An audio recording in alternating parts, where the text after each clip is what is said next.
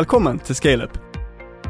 Dette er en podkast om dyrende innovasjons- og teknologimiljø i Norge, hvor vi søker å finne svaret på hvordan Norge kan bli en anerkjent tech-hub globalt.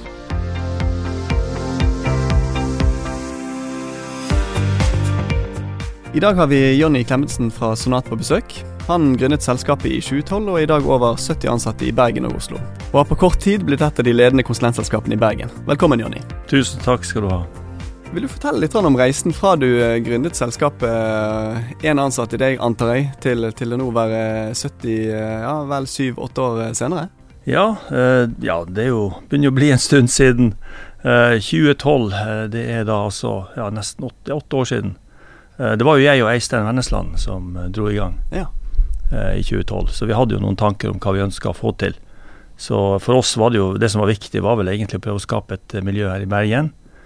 Bygge det miljøet og ha egentlig styringen med det man drev med. Og ikke minst kanskje lokalt forankre det. bruke ressursene til innovasjon. så det, var liksom kongstanken. Og så var vi jo så heldige at vi fikk med oss en del veldig dyktige teknologer. Og når man får med seg flere dyktige teknologer, så kommer det gjerne enda noen flere. Ja. Og, og, og, sånn er det jo egentlig i bergensmarkedet. Ja. Dyktige folk de liker å jobbe med dyktige folk. og Får du til den spiralen, så kommer jo også de gode prosjektene og kundene. Mm. og det, det, har vi klart å få til. Eh, og det, det, har vært eh, Det er litt sånn kjedelig å si det, men stein på stein er vel uh, det dekkende begrepet. Ja. Uh, det å ansette én og én, uh, og det å hele veien være sulten på å skaffe seg de spennende prosjektene, det er liksom det som ligger i bunnen. Ja, ja. ja. Og Hva er nøkkelen til å lykkes i etableringen av et konsulentselskap? Du, du, må jo ha et par sentrale personer på plass, og gjerne eierskap og og de tingene der? Mm. Ja, altså, Jeg tror nok at nøkkelen er nå at folk trives sammen. Det, det, det, tenker jeg er det viktige. Og så er det at man har et eierskap til det. Mm. Og så er, tror jeg at man må ha en viss passion mm. for det å um, glede seg over at, at, du klarer å levere gode tjenester til, til kundene. Mm. trives med det. Så det, det er liksom det der servicegenet som man må ha i seg. Mm. Det, det, tror jeg liksom alle de som er i Sonat har. Uh, veldig relasjonelt sterke. Eh, liker å jobbe med, med andre mennesker. Mm. Eh, kanskje ikke nødvendigvis jobbe eh, på en sånn måte at man tar glansen av de andre, men heller evner å spille uh, de andre gode. Mm. Uh, og forstå liksom de mekanismene der. Um, så, så det, det, er liksom, det, er noen relasjonelle ferdigheter kombinert med, med noen faglige ferdigheter som gjør at uh, man klarer å bygge et sterkt og godt miljø. Ja.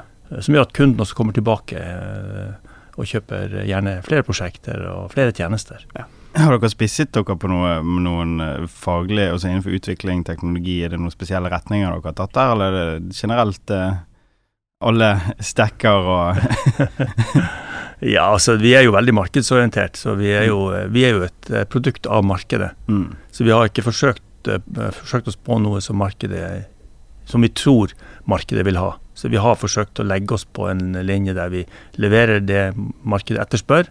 Og det har, det har jo vært de siste åra frontend-utvikling, det har vært backend-utvikling. Eh, stadig mer arkitekturrådgivning. Eh, sky eh, blir jo bare mer og mer viktig i åra framover. Eh, prosjektledelse eh, og ikke minst eh, maskinlæring har jo de siste tre åra tatt veldig av. Og så har vi jo det, det, siste året så har jo det vært UX og tjenestedesign. Og gått overraskende bra. Eh, så, så det, det, er vel eh, der, eh, der, vi er. Og det er de tjenestene vi leverer til, til, våre kunder. Mm. Ja, for det er jo, dere etablerte jo D-Sways i 2019. Ja. Eh, og vi ser jo det flere andre konsulentmiljøer òg som popper opp med mm. tilsvarende mm. selskaper. da. Mm. Er det, er det fordi at behovet blir større for, for den type kompetanse, eller er det Altså, vi, vi, hadde vel egentlig ikke noe valg, fordi at uh, stadig flere av uh, våre kunder etterspør det. Uh, og skal du være med å gjennomføre prosjektet fra idé til det settes i produksjon, og gjerne også følge løsningen i forvaltning, så må du ha designkompetanse. Det, det, er bare sånn det er. Og så er det jo, er det jo blitt sånn at de, iallfall de mellomstore virksomhetene, de, de, de, ønsker jo egentlig en partner som, som har uh, en bredde i kompetansen, ikke nødvendigvis bare dyktige utviklere. Og de, de ønsker gjerne å kjøpe prosjekter. Og, og, da er UX en helt avgjørende faktor for at du skal forankre løsninger, for å få de med på å tenke høyt rundt hvilken type løsninger som passer de best. og ja, involvere de på en god måte. Så, så det, det, det, er jo også igjen et resultat av markedet etterspør. ja. Mm.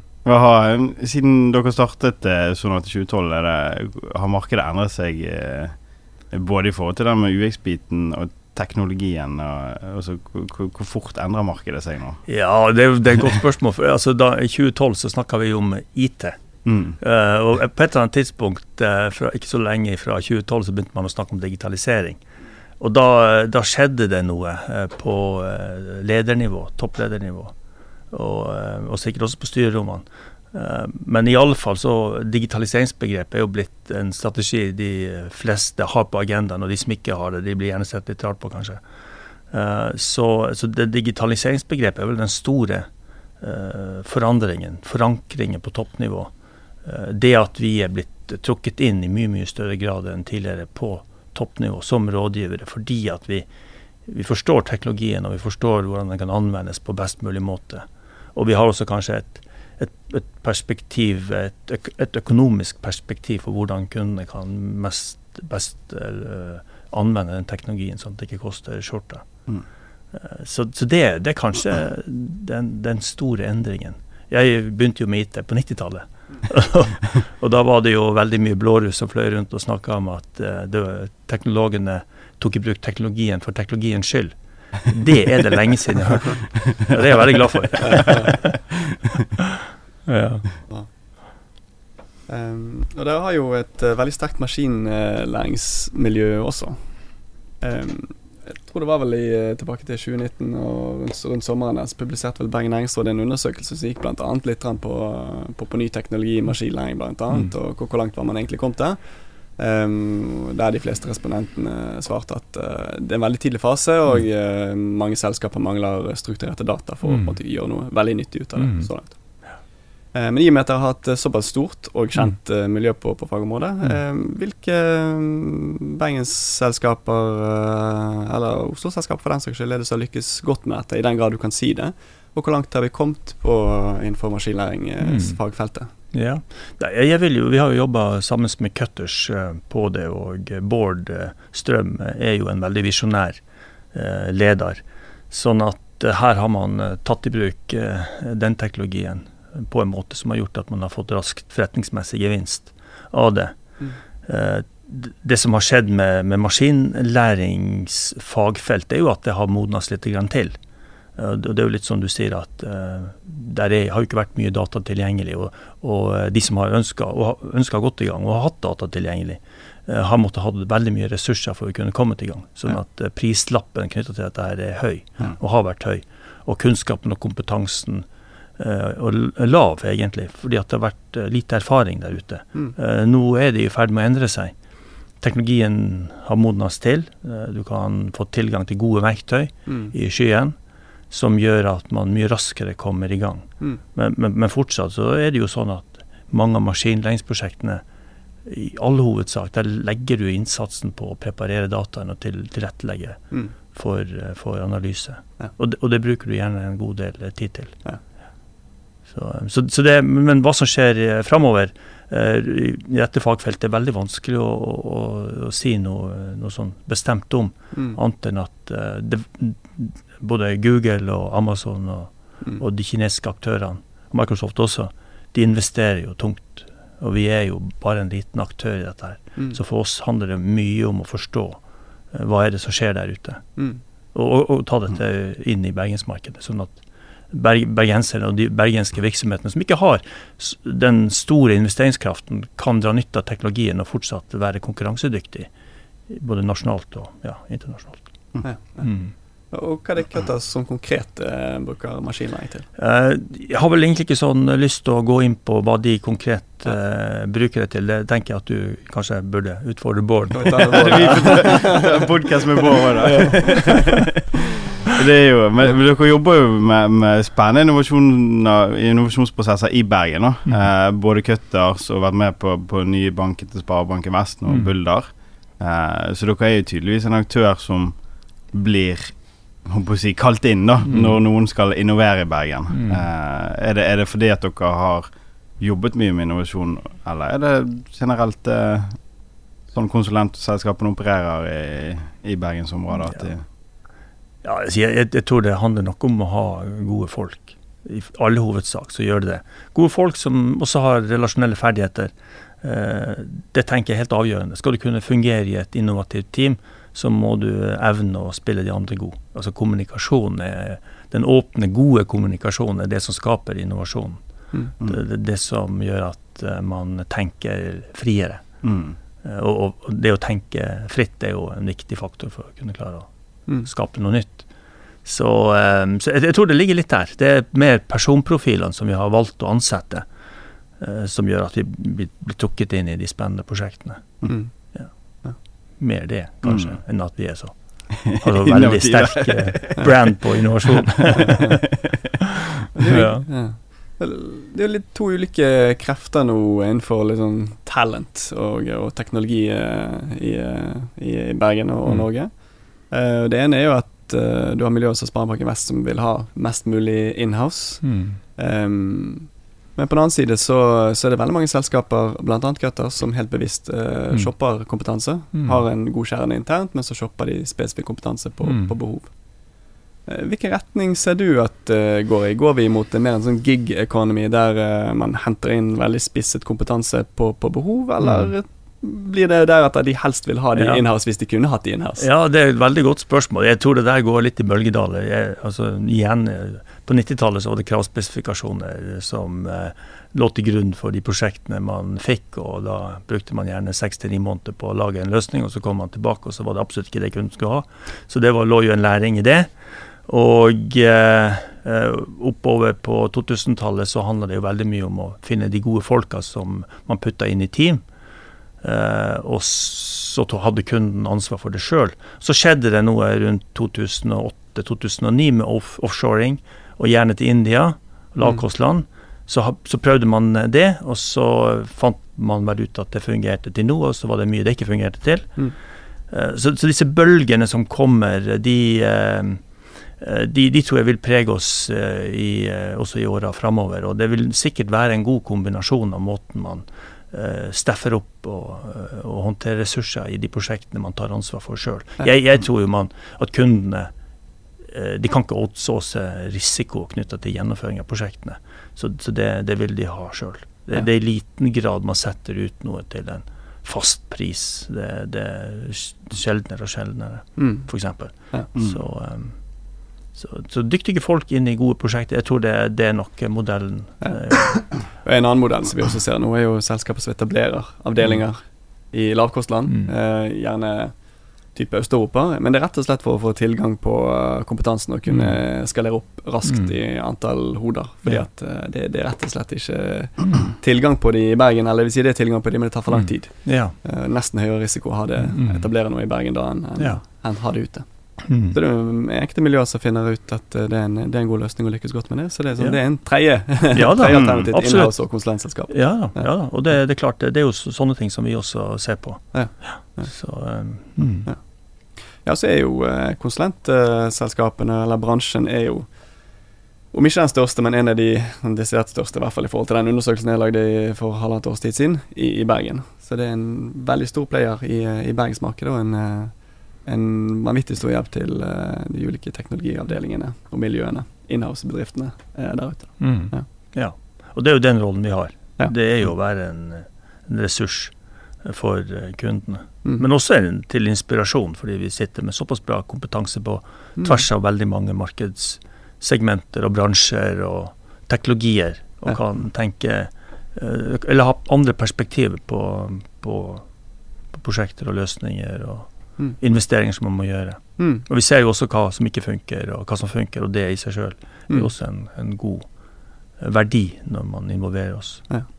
Er det nok teknologer i Bergen om eh, to-tre års tid, eller eh, begynner det å bli vanskelig og vanskeligere å få tak i folk? Og Da tenker jeg både Ja. på, på dere, men også på, på kundene deres. Ja, i litt innenfor en horisont på to til tre år, så tror jeg nok det. Eh, jeg- ser du tre år, fire år fram i tid, så er det jo veldig spennende hvordan vi klarer å omstille oss Mm. på Vestlandet. Eh, Det er klart at oljeservice eh, er jo aktiviteten der på vei ned. Og så er det da andre typer næringer som må vokse opp. Og, og hva det skal være, det er vel kanskje litt uklart. Det er der jeg tror det spennende skal skje. Hva er det nye som vokser fram? Hvor kommer vekstnæringen hen? Mm. Um, så så vil vi kanskje se en forflytting av teknologer fra en bransje som er i ferd med å, å dø ut, og så eh, er det da inn i nye bransjer.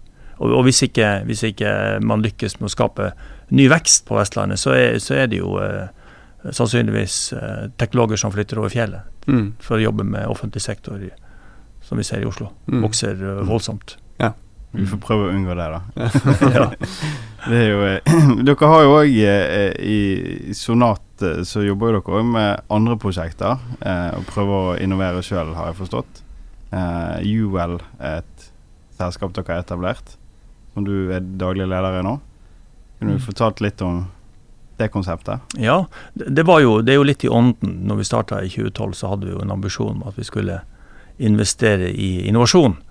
Og skal du gjøre det, så Jeg er jo eh, eh, teknolog eh, fra Trondheim, så da er det jo litt sånn at skal du gjøre det, skal du gjøre det skikkelig. Og da bør det helst være noe eh, forankra i noe, noe dypere, altså forskning. Eh, det å finne fram til gode ideer ved kjøkkenbenken har jeg litt lite tro på. Eh, De som lykkes med det, de er jeg veldig imponert over. Så så jeg, jeg har liksom erkjent at der er ikke jeg. Så da er det liksom å, å se etter de spennende forskningsprosjektene ute hos eh, våre kunder. Og, og da eh, dukka det jo eh, opp en mulighet. Det var vel egentlig litt tilfeldig at vi kom i inngrep med Mental Helse og Helse Møre i 2013-2014. Et forskningsprosjekt der. Så vi fikk et innsyn i mental helse. Og, og Jo Volde, som leda denne satsingen der oppe, han mente jo det at psykisk helse var et område som var underdigitalisert. og Det var et potensial til å, å gjøre mye der. Eh, og vi var nå litt sånn skeptisk til det, eh, til at vi skulle investere i det området. Eh, men i 2015, ja, sommeren der, sånn, så kom vi i inngrep med Tine Norgren, som har egentlig gründa emeistring.no, som er Norges ledende portal for, for psykolog, altså online psykologitjenester. Og fått mye bra tilbakemelding på det, og viser, har vist veldig gode resultater. Så, så hun eh, ønska jo å sette i gang et, eh, en, en søknad til Norges forskningsråd, som hadde utlyst det var vel en, eh, en halv milliard i, i midler for eh, IKT-fyrtårnprosjekter innenfor ulike segmenter, og helse var jo en av de. Så hun søkte da, sammen med oss, så vi var med i søknadsprosessen. Og det var vel 90 søkere, og som en av de 93 søkere ble plukka ut, og vi var en av de tre. Så da kom vi i inngrep med, med Tine Ordentlig og Helse Bergen. Så siden 2015 så har vi jobba med, med de på å utvikle morgendagens teknologi for eh, ja, behandling, rehabilitering og trening av, av mentale lidelser og symptomer. Så det har vært en kjempespennende sak. Eh, vi ser jo også at plattformen fint kan brukes innenfor somatikk. Dvs. Si fysiske lidelser, rygg og nakke og, og andre typer ting. Eh, Så nå, gjennom de eh, fra 2016 til i dag, så har vi vel investert en ja, 6-7 millioner i det. Produktet er klart. Eh, Vi har egentlig nå flere produkter på gang. Vi har fått, begynt å få de første kundene. Vi har hjulpet de første pasientene. Vi har vel hatt en 150 pasienter til behandling. eh, Med gode, oppløftende resultater. Så nå skal man jo også forske på effektene av det Mm. i Helse Bergen-sammenheng. Eh, Det er jo da angst eh, blant unge, og det er depresjon, eh, restdepresjon. Det er utrolig mange som har ettervirkninger av en depresjon. Eh, 200 000 faktisk. Oi. Enormt mange. Ja. Så, så det, det, er mange man kan hjelpe med å ta i bruk teknologien, og du kan levere den, de tjenestene veldig mye billigere, og det er en lavere terskel å komme til. Og, mm. ja, effekten av behandlingen er også ganske god. Um, så, så, har vi jo også hatt et prosjekt for Helse Fonna, kjempespennende. Eh, også starta i 2016. Det, det, et, det, har vært Skal du jobbe med helse, så skal du ha god tålmodighet. Det er iallfall erfaringen. Men, eh, men resultatene kommer jo. Eh, så så nå i disse dager håper vi å kunne lansere en tjeneste for eh, unge som har autismespekterforstyrrelser. Mm. Dvs. Si drive atferdstrening av unge. Det, og det voksne kan fint dra nytte av eh, den treningen, de òg. Eh, fantastisk å se. Der har de spilt inn Helse Fonna, eller Haugesund, da, mm. sykehuset i Haugesund, spilt inn videoer av hvordan Altså hva slags type atferd som man ikke vil ha, og hvilken mm. atferd man vil ha. Ja. Og det bruker man da til instruksjonsformål. Så, ja. det, så det, mm. det, er jo da en tjeneste som vi håper å kunne eh, launche i eh, ikke så eh, mange dagene fra og med i dag. Så, så, så det, det, det, er juvelsatsingen. Så vi håper å kunne skalere opp det selskapet. Så vi, vi tror at det representerer framtidens måte å levere helsetjenester på. Mm. Folk skal ikke behandles på sykehus. De skal i større grad ta ansvar for sin egen helse hjemme. Settes i stand til å både rehabilitere seg sjøl og trene og behandle seg sjøl, og gjerne med hjelp fra pårørende. Og selvfølgelig assistert, veiledet fra helsevesenet. Mm. Det, det, er den framtidige eh, leveransemodellen for helsetjenester. Og, og, det gjør også noe, noe, med at de etablerte aktørene de har de har, har teknologier som understøtter den gamle måten å levere de tjenestene på. Vi har utvikla teknologi som understøtter den nye måten å levere tjenestene på. Så det er en veldig interessant og spennende utvikling innenfor helse som vi står overfor. Så ja, vi får se om vi klarer å være med på det. Det, det, det, det gjenstår jo å se. Mm. Så dette har vi jo ikke gjort før. Ja. Dette er jo innovasjon. Ja, det er. Dette er innovasjon, kjernen av innovasjon. Mm. Det er høy usikkerhet. Du, du, må liksom lære deg å leve med det, og så må du lære deg å forstå Iallfall sånn når du jobber med det offentlige, må du lære å forstå alle mekanismene i det offentlige både innenfor helsevesenet, men også Innovasjon Norge. Og, ja, vi jobber tett på VIS, og vi har de med på eiersiden i UL. Og, ja. Så der er, det er mange aspekter rundt det. Det, det, det, er ingen, det, er ingen, bedre måte å lære seg innovasjon på enn å gjøre det sjøl. Da, mm. da, skjønner du hva det, hva går i. Mm. Men når dere etablerte det, er det, er det dere som har vært eh, drivkraften og, og ressursene inn på hele prosjektet? Også både på strategi og, og utvikling og konseptualiseringen? Ja, altså Det må jo sies at eh, Intromat-prosjektet til Helse Bergen består jo av Universitetet i Bergen, består av Universitetet i Oslo. Uh, der er uh, flere andre sykehusaktører med. der er en lang rekke ph.d.-studenter. Så det, er mye ressurser involvert. og Det er jo et prosjekt som, går over syv år. Så de, Det er jo de i all hovedsak som, som utvikler konseptene sammen med oss. På teknologien så har vi vært gjort det i fellesskap.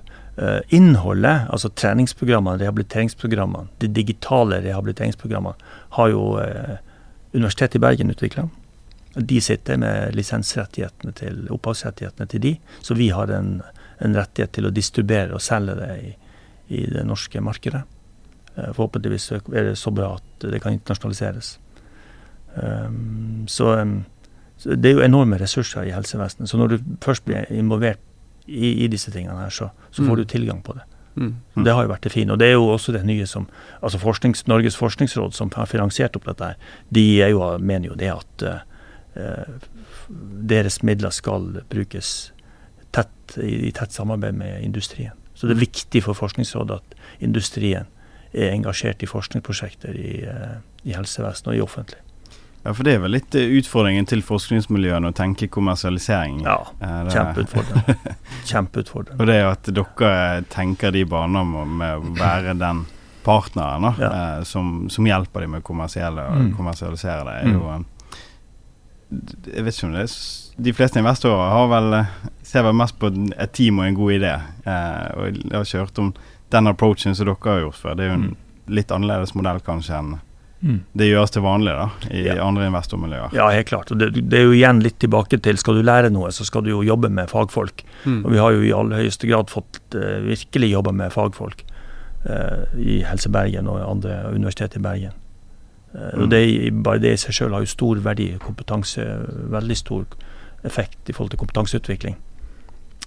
Så så det, det, det, er, det er mange sider ved det. og det vi, altså, eh, vi, vi er jo på vei inn i den digitale æraen der atferdspsykologi, altså det å forstå atferd, er en helt avgjørende sak. Og det å jobbe så tett på Helsebergen og, og Tine og det teamet der oppe. Mm. Og det, Den innsikten har vi jo fått gjennom disse prosjektene her. Så bare det i seg sjøl har jo gjort at det, det har vært gøy. Eh, og det har vært gøy å jobbe med de. Eh, Mm. Selv om altså, vi har ikke tjent en krone til, dagen, til dagens dato. så, så det har jo vært, vi har jo investert penger i det. Mm. Vi håper jo å få, få noe igjen for det. Og jeg, jeg, jeg trodde jo det at vi skulle få noe igjen for det mye raskere. Og enhver investor eh, ville jo sagt at en sånn type case som dette burde hatt en return på kanskje 18-24 måneder. Vi Mm. trodde jo kanskje på det sjøl òg, men Mm. vi, vi, er ikke, vi er jo ikke der. Vi har holdt på siden 2016, sier jeg. Mm. Mm. Så det begynner å bli noen år. Første fakturaen gikk ut i fjor. Ja, det er vel eh, Altså, du kan si at eh, eh, vi har jo ikke, har ikke hatt momsregnskap Ja. ennå i Juvel. Ja. Så vi har ikke kunnet fakturert momspliktige tjenester, som jeg vil egentlig si er milepælen. Mm. Men uh, denne måneden her så er vi der. Mm. Vi har uh, fakturert. Det gjorde vi i går. det var de første momsberettigede tjenestene. Så, Ja, så det var var, det kake, veldig bra. på, kake på kontoret, da? Ja, det, det, det har vært jul, så vi Lite kake. Nei da, men eh, det, det er klart det er milepæl. Det, det er utrolig eh, viktig. altså, Det har vært viktig. Og det ser jo bra ut. Eh, Så dette året her så tror jeg vi skal klare å tjene penger i det selskapet. Så det da, blir- gøy. ja, så da, det handler om å klare å skalere det ytterligere opp. Og, og det er jo igjen, da er vi jo inne på kommersialisering og hvordan skalere opp. Um, det, jeg vet jo ikke hvordan vi skal gjøre det. Eh, det finnes mange gode lærebøker på det, men eh, jeg tror vi må finne vår måte å gjøre det på. Så det, det blir veldig spennende. Trenger gode selgere. Mm. Det, det, det, og det er kanskje den store mangelvaren, syns nå jeg, da. eh, Som, er, som har jobba så mye med salg. Det At de gode, det er langt imellom de gode selgerne. Forretningsutviklerne. Mm. Så ja. Mm. Og eh, nå har vi jo snakket mye om fintech og mediotech eh, her i Bergen, men eh, helseteknologi, er det noe Bergen kan ha en fremtid på eh, internasjonalt? Ja, jeg mener jo det. Helt bestemt. Det er så mye bra kompetanse i Helse eh, Bergen. Og du kan si at hvis, hvis man tenker seg at den framtidige leveransemodellen er å gjøre folk i stand til å leve et bedre liv hjemme, hjemme Mm. gjerne med støtte fra pårørende og andre gode hjelpere, så handler det mye om å digitalisere måten man utfører behandlingen i helsevesenet, og gjøre det globalt tilgjengelig. Jeg er helt overbevist om at her har vi en, har vi en næring som kunne vokse til å bli en, god næring for Bergen. Vi har Medie, eh, Media City og den, den kompetansen vi har rundt TV-selskapene. Det å kunne produsere eh, gode videoer og animasjoner, eh, gode in- instruksjonsmateriell, altså det som skaper engasjement, er, er motiverende, hvilket er helt avgjørende når du skal gjøre folk eh, skape motivasjon blant folk som er syke, til å bli friske. Vi har såpass mye bra kompetanse, tverrfaglig kompetanse innenfor det som jeg tror er avgjørende for å sette folk i stand til å eh, leve et bedre liv. eh, At eh, med, hadde man klart å finstille ressursene, eh, så, så, er, så tror jeg at det har vært mulig å utvikle den næringen. Vi, vi ønsker å bevege oss i den retningen. Vi har små ressurser. Skulle gjerne hatt eh, mer eh, ressurser til det. Men uh, vi får liksom ta et steg i gangen. Vi er på vei. Mm. Vi har et par internasjonale prosjekter på gang som gjør at vi plutselig kan distribuere digitale helsetjenester globalt. Det, det åpner opp for noen nye muligheter. Så får vi se om, om det er det som skal til. Mm. Um, ja. Jeg, jeg, jeg tror også helsevesenet ser det sjøl. Iallfall noen nøkkelfolk i Helse Bergen ser at dette her er en mulig vei å gå. Mm. Så, ja. Digitalisering vil jo forhåpentligvis redusere litt ut av køene man har i helsevesenet. Eh, og hjelpe folk til å få en raskere behandling, da. Ja. Som er en veldig positiv effekt. Mm. Mm. Eh, så, Mm. så det er jo bare vinn-vinn-vinn. Ja, ikke sant? men akkurat det, helsevesenets eh, bruk av begrepet behandling er jo veldig sånn eh, eh, sykeliggjøring av folk. Og, og, det er jo kanskje den store bjørnetjenesten vi gjør. altså Sykeliggjør folk ved å kalle det behandling. Så jeg liker jo å kalle det for trening. Mm. Altså Du må endre livsstilen, og du må trene på noe som du ikke har gjort før. Ja. Og da har du kanskje en mulighet til å bli bedre. Så du må ta ansvar for din egen helse. Det er jo Mm. det som er greia. Mm. Um, så så det, det er kanskje det som er disrupsjon, eller endringen i tankesettet her. Mm. Det, det er ikke helsevesenet som skal gjøre deg frisk, men du skal gjøre deg frisk sjøl. Mm. Så skal vi hjelpe deg til det, men du må gjøre jobben. Mm. Sant? Mm. Det er forskjellen. Så, mm, så det er jo det skiftet vi ser. Altså, vi blir eldre, stadig flere blir syke. De lever kanskje livet litt feil, sant? og da, da må de ta et tak sjøl. Mm. Og det her kommer teknologien inn. Ja. Ja. Hvis jeg skifter litt rann, eh, tema nå. Eh, der har jo etablert en eh, avdeling i Oslo også. Um, vil du si litt om, om det, og hvordan forskjellen er på, på Bergen og, og Oslo? Mm. Både i marked, men også type prosjekter, type om uh, folk eh, Ikke folk annerledes, det kan vi Mm. men, eh, men hva forskjellen er på, på Bergen og Oslo? Ja. Det, det store forskjellen på Bergen og Oslo er alle offentlige institusjonene i Oslo. Ja. De enorme midlene de har til å gjennomføre gigantiske digitaliseringsprosjekter. Mm. Vi er jo ikke i nærheten av det her i Bergen. Eh, Det, det gjør også at eh, eh, de vokser mye raskere. De har Ja, hva skal jeg si? De, driver altså selv Utviklingen av selskapene er jo litt annerledes. Mm. De er mye mer skrudd sammen på å vinne offentlige anbud, de eh, konsulenthusene som er i Oslo. Mm. Eh, de har eh, veldig god kompetanse på det å, å skrive gode tilbud, selvfølgelig. Og det, det gjør at vi, i fall vi som er bergensbaserte, vi sliter litt eh, i, i forhold til de store eh, bid-maskinene som du har i Oslo. Så de har, Er det stor forskjell i preferert eh, teknologi òg? nei, det, nei, det er det egentlig ikke. Nei. Eh, Men det, det er bare anvendelsen i, Ja. av det i mye større skala. Ja. Så, så det, det, det, markedet er sikkert 20 ganger større Ja. enn i Bergen. Ja. Mm. Så det, er mye enklere å utvikle en virksomhet i Oslo eh, enn i Bergen. Ja. I Bergen så er vi mye mer relasjonsorienterte, mens i Oslo så er det mye mer eh, transaksjonsorienterte. Det vil si at det, det er offentlige anbud, og du skal vinne de. og det er objektive kriterier som legges til grunn. og Du skal være god på å skrive tilbud. Du bør ikke være så god på å levere, bare du er god på å skrive, skrive tilbud. Ja. Ja, jeg tror musikkørene dine, Morten. Men er det, eh, er det vanskelig å få tak i flinke folk der borte, da? Når markedet er så stort? ja, det er jo det. Selvfølgelig. Det er det jo. Men også der, så folk trives og jobber sammen. Det er litt de samme mekanismene i arbeidsmarkedet som her, tror jeg. Eh, folk liker å jobbe sammen. Eh, det å være med å skape noe. Eh, det å eie noe er viktig. Mm. Eh, det, det å ja, levere prosjekter sammen, jobbe i team. Så du finner de samme mekanismene blant flinke folk som, som du har her. Der, der er det ikke noe stor forskjell. Det, har, har dere eh, ryktet deres i, i Oslo versus Bergen? Altså dere har veldig godt rykte i Bergen. Er dere like godt kjent blant de teknologene i Oslo? Nei, det er klart, vi, nå er vi eh, 14 stykken i Oslo. Eh, Så det er jo et eh, stykke fram eh, før vi har liksom den samme gjennomslagskraften som i, i bergensmarkedet. Det handler litt om synlighet. Vi er ikke så synlige med 14 stykken, så vi har nok et behov for å bli tigangen for å kunne komme opp eh, på det nivået som vi har her i Bergen. Men vi jobber med, jobber med det hver dag. Vi vet jo hva som skal gjøres. Det er jo bare et hardt arbeid det er å rekruttere flinke folk eh, og eh, sørge for at du får de gode kundene om bord. Så det, det tar tid, men vi, altså det, det, det har jo gått bra.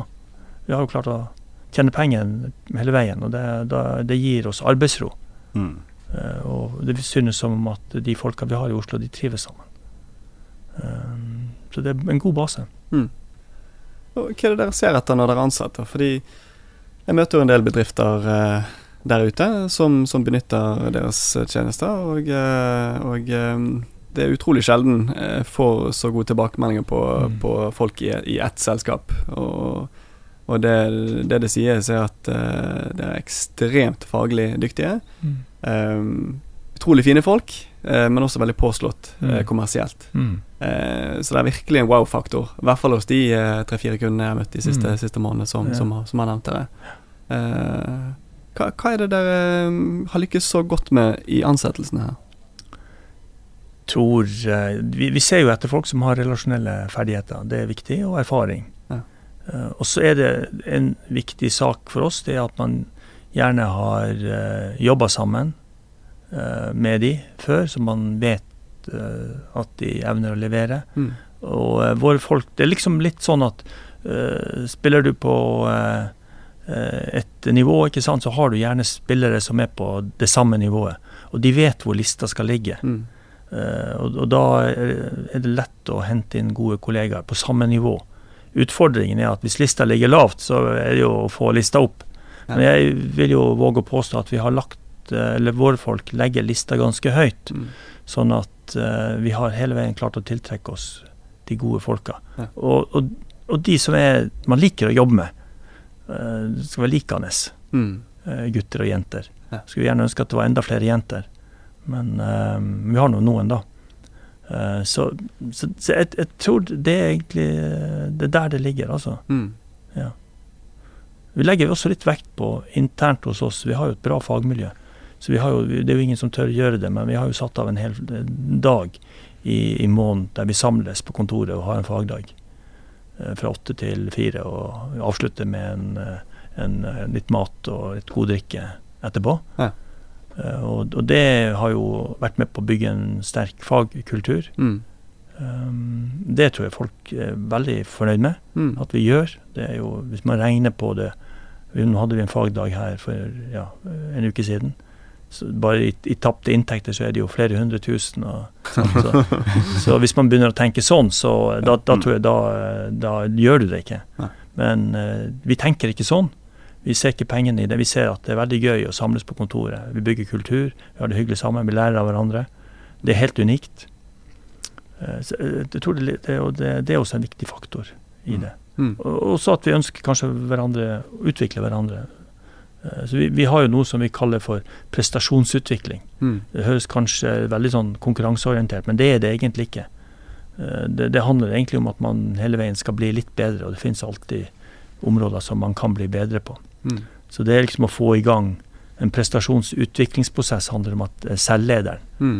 uh, skal motiveres til å tenke på hvordan man kan bli bedre versjon av seg sjøl mm. i morgen. Og Det være seg at man lærer seg ny teknologi, eller at man utvikler nye relasjonelle ferdigheter. Ja. Eller evner å gjøre andre bedre. Altså. ja. Har han noen bestemte plattformer der, uh, type Udemy eller Coursera, eller uh, type nettsider som, som, man driver ren kompetanseutvikling på, eller er det sertifiseringer, eller er det hver konsulent sin innfallsmetode til? Uh, jeg tror den viktigste fagutviklingen skjer jo i prosjektene. Ja. Det, det, er det vel ikke noe tvil om. Og der vi har behov for påfyll, så drar vi på kurs og konferanser. Mm. Konferanser, Kurs er blitt veldig lite av, annet enn nettkurs. Ja. Så ja. Så, eh, så, er det jo fagdagene våre. Vi, vi investerer jo mye i det. Mm. Så, eh, så, det er vel eh, Og da får vi jo anledning til å spre kunnskap og kompetanse litt sånn på tvers av teknologier og, mm. og soft skills. da. Ja. Mm. ja. Så det mm. Yes. Vi begynner å nærme oss eh, slutten, men det er jo eh, eh, Du har jo jobbet innen denne bransjen veldig lenge. og det som kunne vært litt interessant å høre fra deg, hva tror du er de nye trendene innenfor tech-bransjen eh, nå framover? Ja.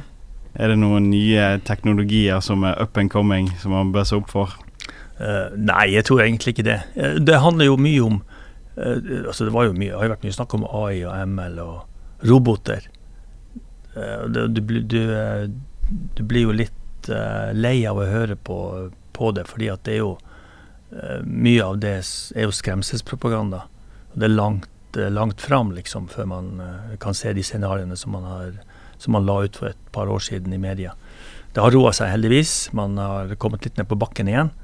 Så Jeg er liksom mer opptatt av den, de teknologiene vi vil se mer av framover, og det som kommer til å bety mye for bergensvirksomhetene som, som liksom dette uh, samfunnet her er er tufta på.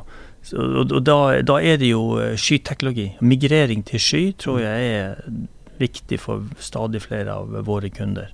Det er tunge prosesser. Det ligger mulighet til å, uh, at det skal koste mye hvis man gjør det feil.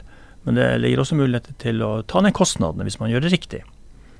Så, så det er vel kanskje det, det viktigste. Og så er det jo sikkerhet, da. Mm. Eh, Jeg tror det er et viktig område. Eh, Det er kanskje mest et kulturspørsmål og et ledelsesspørsmål, så vel som teknologispørsmål.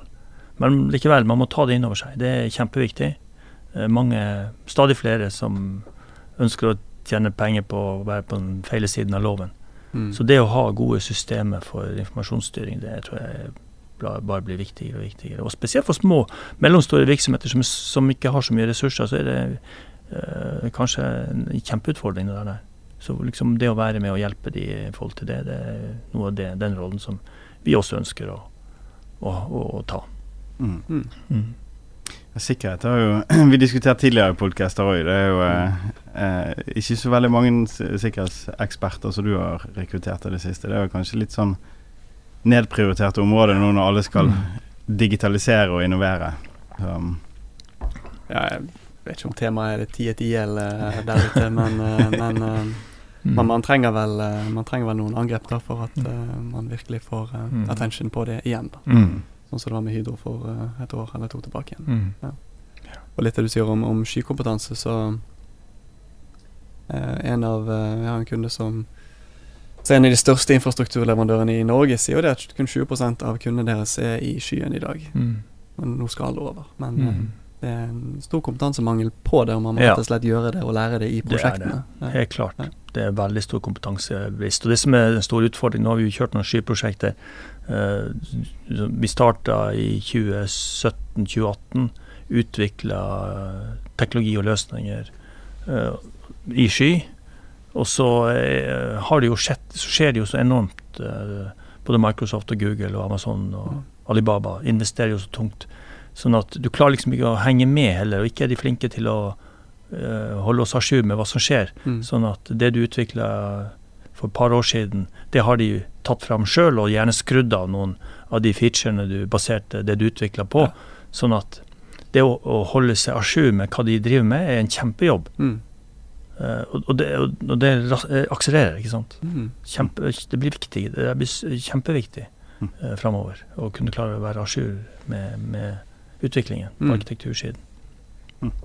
Også kunne, for, for å kunne utnytte teknologien på en kosteffektiv måte. Mm. Ja. Det er fort at du tømmer lommeboka hvis du gjør det på feil måte med, Ja. med skytjeneste. du skal ha tungen beint i munnen når du holder på med Ja, det skal du. Og hva er de store planene til, eh, til Jonny og Sonat eh, for 2021, 2022, 2023 and beyond? Ja, godt spørsmål. Eh, Jeg tror nok at det er viktig for oss å få farten på These Ways. Det, det er nok det. Eh, Og så er det jo selvfølgelig å kunne eh, hjelpe våre kunder i utviklingen framover. Mm. Ta vare på de. Det er utrolig mye hyggelige folk som vi jobber med i Bergen. Det er det som er det gøye. Teknologien, det er noe, nå har jo vært med så lenge i bransjen. Det, teknologier kommer og går, men det er jo de hyggelige folka som, som gjør at det er gøy å, å være med. Ja, men da vi Takk for at du var med oss eh, i dag. Det var spennende å høre på reisen din med Sonat og din innsikt i markedet og hvordan dere tenker innovasjon. For når vi snakkes igjen om to år, ny podkast, så er dere ti gangen i Oslo, hører jeg. ja, ambisjonen er der. Ja, da. ja, men takk for at du Ja. stilte opp. Tusen takk for at jeg fikk komme.